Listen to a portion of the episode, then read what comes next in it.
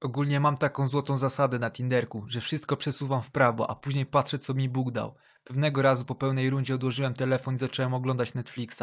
Po chwili telefon wesoło wibruje. Oho, zobaczymy co mi przyniósł ślepy los. Otwieram Tindera, patrzę, a tam kurwa karzeł ja jebie, zmaczowało mnie z karłem, XD!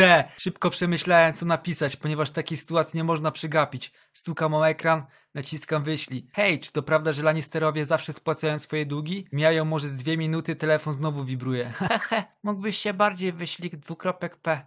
Stwierdziłem, że wyjebany nie ma sensu dalej pisać. Telefon znowu wibruje. Biorę go do ręki, a tu znowu Karlica pisze. Kurwa, jakiś wall of text. Jak mi minął dzień inne takie. Chuj, pośmieszkuję sobie z karłem. Najwyżej jak kiedyś do niej wpadnę i mnie wkurwi, to ją postawię na szafie i wyjdę. Pomyślałem. No i tak zaczęliśmy pisać.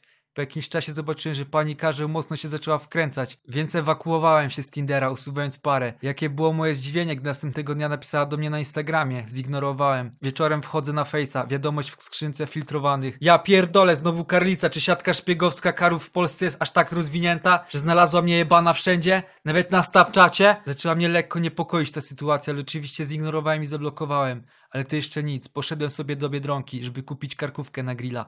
Wybrałem taką ładną, soczystą i idę do kasy.